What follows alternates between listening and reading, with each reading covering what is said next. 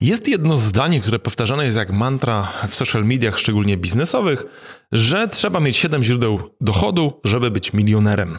I usłyszałem bardzo ciekawy kontrargument na to, że mówienie o tym, że żeby być milionerem trzeba mieć 7 źródeł dochodu, jest jak mówienie, że aby być miliarderem to trzeba latać prywatnym samolotem to nie jest droga do celu, to jest po prostu efekt wypadkowy tego, że już jesteśmy milionerem i mamy 7 źródeł dochodu, albo jesteśmy miliarderem i latamy prywatnym samolotem. Więc w dzisiejszym odcinku opowiem Ci, co bym zrobił lepiej, jeżeli jeszcze raz bym zaczynał jak poprowadziłbym tą swoją drogę do bycia milionerem.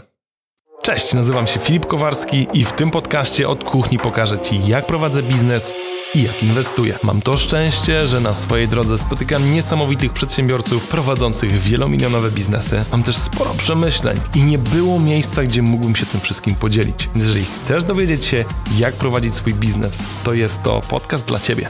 Więc w tym odcinku cofam się w czasie i robię pewne rzeczy lepiej niż je zrobiłem pierwotnie. Oczywiście, czy jestem zadowolony z tej drogi, którą przeszedłem? Pewnie. Była fajna, pełna wyzwań, ale wiem, że pewne rzeczy mogłem zrobić dużo łatwiej, dużo szybciej, więc dzisiaj konkretnie w 10 krokach przejdę przez to, co zrobiłbym lepiej. Numer jeden. Skupienie na biznesie. Jeżeli w tym momencie prowadzisz biznes, niech to będą na przykład flipy, czyli handel mieszkaniami, to nie myl tego z inwestycjami. Czyli wynajem, typowa inwestycja w nieruchomości, nie jest to biznes, bo biznes to jest handel nieruchomościami. Zupełnie coś innego. I ja, jeżeli chcę pomnożyć kasę, to na pewno muszę się skupić na swoim biznesie, bo raczej większe pieniądze są właśnie w skupieniu na biznesie, a nie w inwestycjach. Inwestycje dają mniejsze zwroty, więc jeżeli chcę więcej zarabiać, no to w tym momencie skupiam się na biznesie. Oczywiście nie mówię tutaj o takich sytuacjach, że ktoś na kryptowalutach zarobił razy tysiąc i z 5 tysięcy dolarów zrobił 50 milionów dolarów. To, to są raczej przypadki jak wygrana w totolotka. Większość osób pierwsze, pierwsze pieniądze zarabia nie z inwestycji, a z zarabiania w biznesie, więc skupiamy się na biznesie. Numer dwa. Naucz się zarabiać, a potem pomnażać.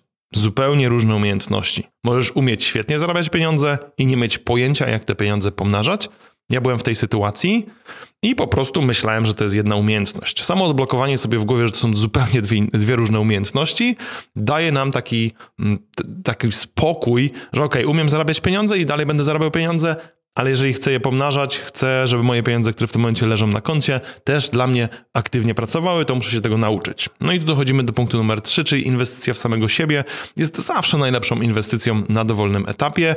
Co cię powstrzymuje przed tym, żeby zarabiać milion?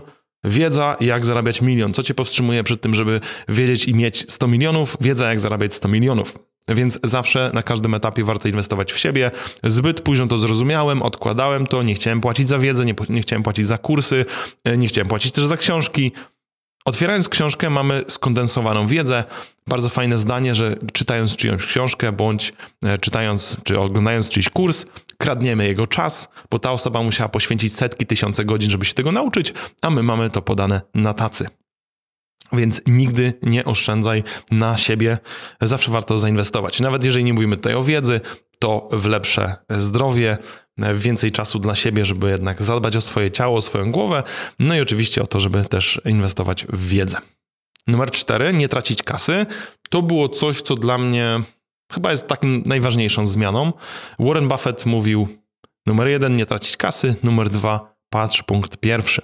Też nie rozumiałem tego z takiej perspektywy, jak byłem w biznesie, miałem nadwyżkę kasy i przychodziły do mnie osoby z różnymi fajnymi pomysłami inwestycyjnymi, jakieś startupy, straciłem kasę na giełdzie, straciłem kasę na jakichś różnych dziwnych, e, akurat Amber Gold nie, ale porównywalnych rzeczach, po prostu z lenistwa. Czyli nie skorzystałem z punktu numer 3, czyli zdobycie wiedzy, jak to zrobić, po prostu chciałem pójść drogą taką na skróty, za bardzo na skróty. I teraz z perspektywy czasu lepiej było tych pieniędzy w ogóle nie pomnażać, nie inwestować, trzymać na koncie, niż popełnić głupie błędy, tracenie pieniędzy. No i właśnie, punkt numer 3. Lepsze małe procenty ze gwarantowanym kapitałem niż strata pieniędzy, bo ktoś ci obiecał coś ogromnego. Jeżeli stracimy 90% naszych pieniędzy, to żeby wrócić do tych pieniędzy, które mamy, ten produkt musiałby zrobić razy 10. Czyli mieliśmy 1000 zł, kupiliśmy coś na giełdzie, to spadło do wartości 10, e, 90% to jest do 100 zł, to teraz, żeby wrócić do naszego 1000 zł, ten produkt, ta akcja, czy to krypto musi, by, musi zrobić razy 10. Więc jest to praktycznie nierealne odzyskanie pieniędzy. I tutaj właśnie zrozumiałem też, że nieruchomości, złoto, takie nudne rzeczy, czy nawet bitcoin jako to, ta nudna kryptowaluta w większości wypadków dla nas będzie lepszym, lepszą decyzją, bo nie będziemy tracili kasy, niż szukanie jakiegoś super coina, czy czegoś, co zrobi nam razy 10 czy razy 100, no bo to już jest typowy hazard, typowa spekulacja. Numer 6. Wkładam w to kasę regularnie. Zamiast szukać idealnego momentu wejścia, po prostu codziennie, co tydzień, co miesiąc, co pół roku, co rok, w zależności od tego, co to jest, po prostu kupuję uśredniając cenę. Czy będzie to najlepsza możliwa decyzja inwestycyjna, czy patrząc w lewo na wykres stwierdzimy, że mogliśmy lepiej kupić? Pewnie, że tak. Ale naszym sprzymierzeńcem jest upływający czas. Ten czas i tak upłynie. Jeżeli będziemy tracili go nie na zarabianie kasy, a na szukanie kolejnego super świętego grala, no to może się okazać, że i przestajemy dobrze zarabiać, i wcale te inwestycje nam nie wychodzą jakoś wybitnie. Po wielu rozmowach z bogaczami, takich nazwijmy, każdy powtarza dokładnie to samo. On po prostu regularnie inwestował przez lata, a w międzyczasie skupiał się na tym, żeby zarabiać więcej w biznesie. Numer 7 Szukam czegoś, co nie zabiera mi czasu, czyli wracamy do tego skupienia. Wracamy do skupienia na biznesie, na zarabianiu pieniędzy. Jeżeli coś zabiera mi dużo czasu, to przestaje to być inwestycja pasywna. Na przykład kolejny błąd, który popełniłem, kupując mieszkania na wynajem, zamiast znaleźć sobie osobę zarządzającą, czy w ogóle zarządcę nieruchomości, zapłacić mu za to, to ja już zatrudniałem osobę, już ta osoba musiała być pod moją opieką, więc ja też musiałem dbać, żeby ona wszystko wykonywała dobrze. Traciłem czas wart w zasadzie kilkaset złotych, jakbym oddał to do firmy zarządzającej. Z perspektywy czasu oczywiście powstała nam fajna firma zarządzająca, ale i tak wiem, że warto było się wtedy skupić na własnym biznesie, a nie kombinować i nie zabierać swojego czasu na pierdoły.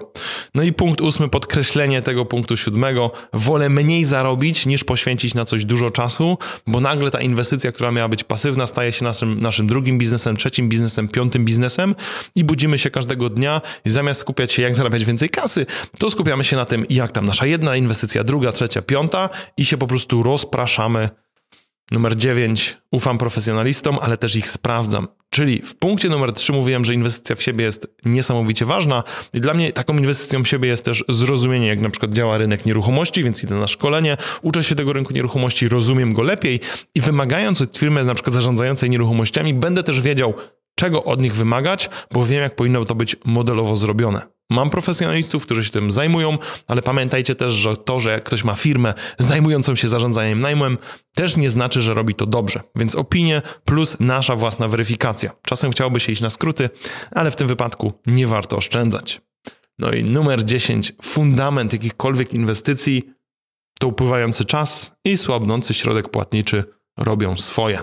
Tutaj przytaczam kolejny raz moją ciocię, która dokonała w życiu dwóch inwestycji w nieruchomości, tylko przez to, że ten czas tak upływał, no to na koncie miliony złotych, z dwóch transakcji. Upływający czas zrobił swoje, zresztą rozmawiając z wieloma osobami, które prowadzą firmy od kilkunastu lat, największe zyski właśnie mają z takich inwestycji, które poczynili kilkanaście lat temu, jakieś działki, jakieś mieszkania. Ich firma była przy okazji, zarabiała im pieniądze, żeby mieli, czas, mieli kasę na inwestycje, ale jednak główne zyski mieli z tych długotrwałych inwestycji. Także mamy 10 punktów i jak widzisz, one skupiają się głównie na tym, żebyśmy byli skupieni na jednej rzeczy, na zarabianiu kasy, inwestowanie raczej przeznaczyli ten czas, który i tak upłynie i nie popełniali głupich błędów, które stracą nam pieniądze. Daj znać, czy masz podobne przemyślenia. Cześć. Jeżeli podobał Ci się ten odcinek, to więcej materiałów znajdziesz na filipkowarski.pl i koniecznie obserwuj ten podcast. Do usłyszenia.